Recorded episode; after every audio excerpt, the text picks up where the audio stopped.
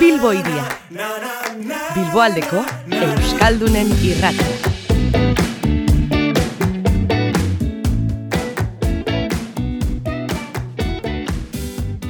Gabriel Aresti Euskaltegiko ikasleen eskutik, asteburuko agenda.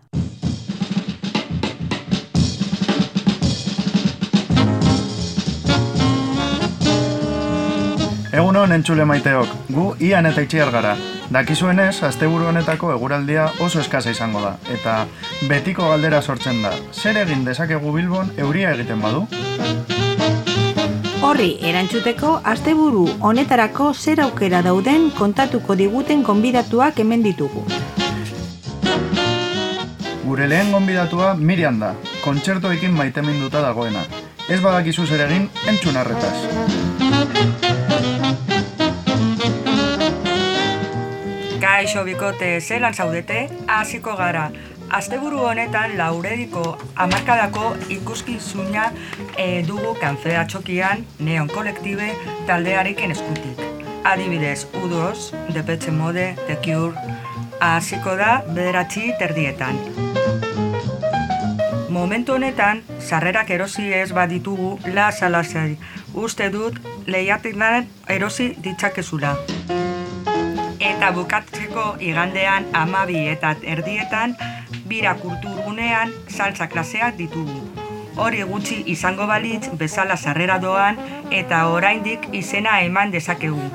Eskerrik asko eta ondo pasa asteburuan.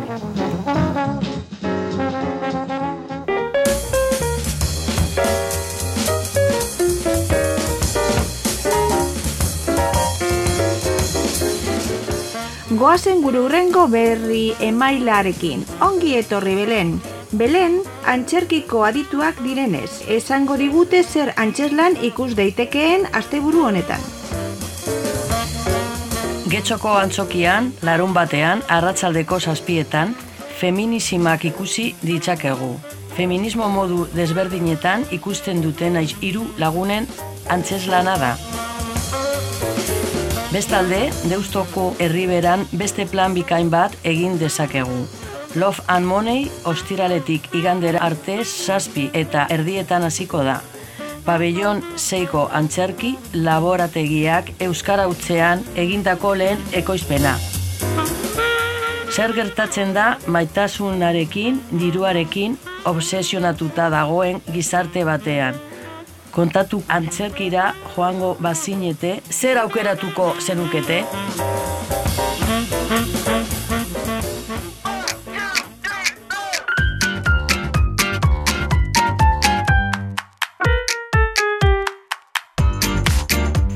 Urrengo gonbidatuak beti du bizkaiko azoka eta erakusketen berri. Ongi etorri Feli, asteburu honetan zer egin dezakegu?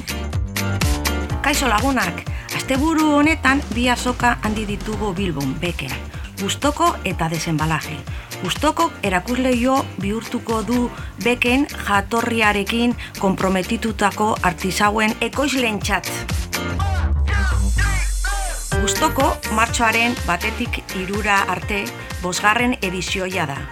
Kalitatezko produktuak ekoizpen jasangarria artisau lanak eta bertako produktuak aurki ditzakegu.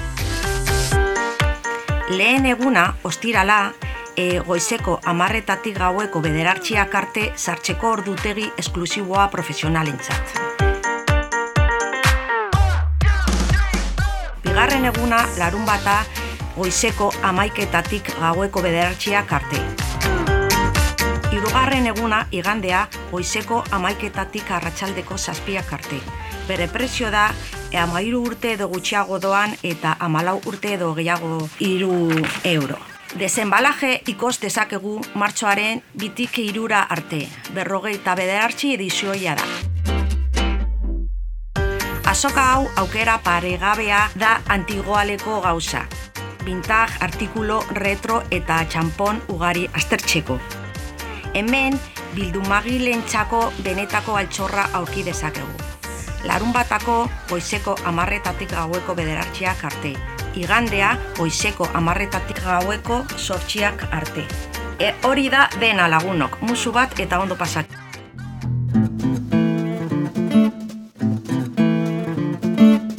Gurekin ere dago arantxa, ongi etorri arantxa.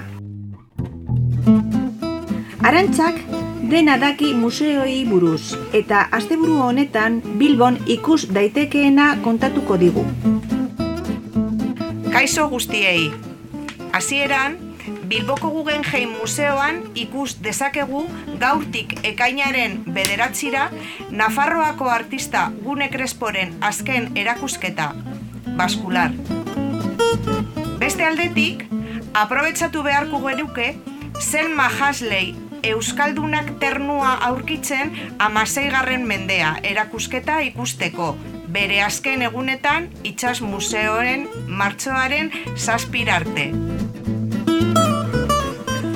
Eta bukatzeko, Bilboko Erreprodukzio Museoan ni neu Isis, señora de todas las tierras, erakusketa maiatzaren emeretzirarte ikusiko genuke.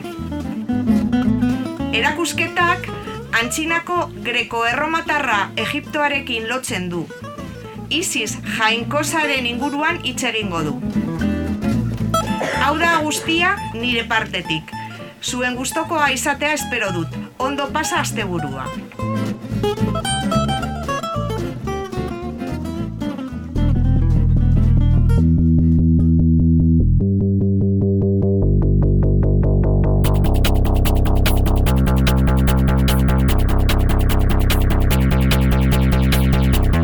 Gauean izkutatzen aiz Dena izimple izan behar zan Gure urrengo egon bidatua kiroltzalero bat da.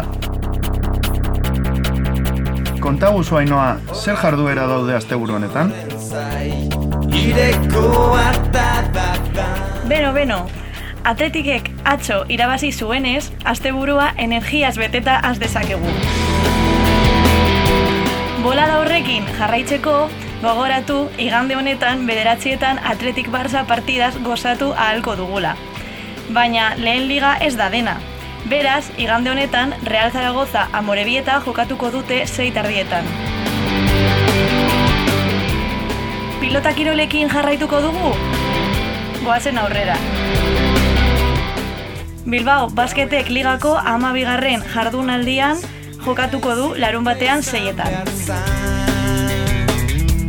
Bestek kirolak ikusi nahiko ban bazenituzte ez kezkatu. Asteburu hau zurea da.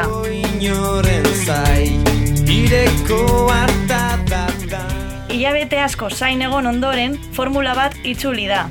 Larun bat honetan, pilotoek haien gidatzeko trebetasunak erakutsi ahalko diz- dizkigute. Zailkapena, gaur ostirala bostetan izango da, eta lasterketa igandean lauretan.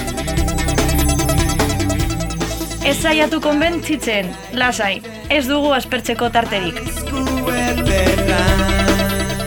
Gure Euskal Kirol maitea ere bertan izango da.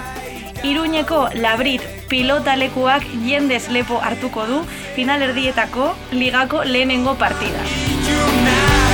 Larun batean, bostak eta laurdenetik aurrera, jaka Marieskurrena versus Artola Imaz desadostasunak konpondu ahalko dituzte frontoian. Ez bazara askaribili, ezin izango duzu partida liluragarria honetaz zuzenean gozatu, sarrerak agortuta daudelako. Beraz, badakizue, kirola egin nahi ez baduzue, gutxienez ikusi ahalko duzue.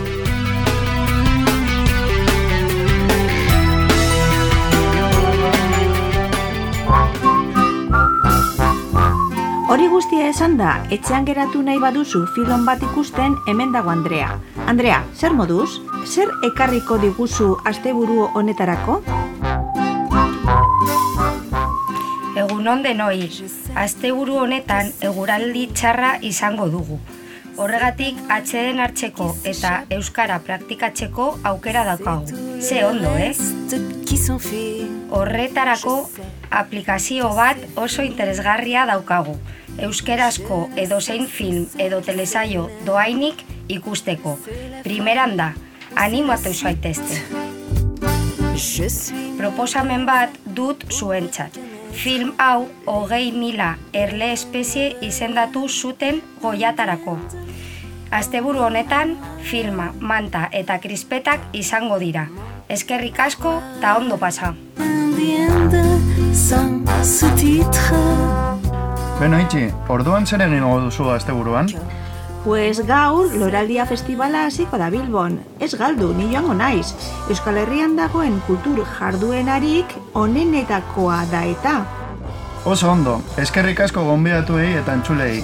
Asteburu hona izan, aspertzen bazarete nahi duzuelako da. Agur! Agur! Agur.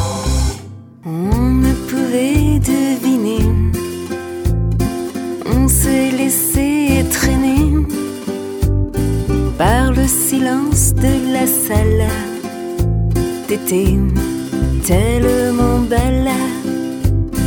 Fin de la projection. On est resté tout seul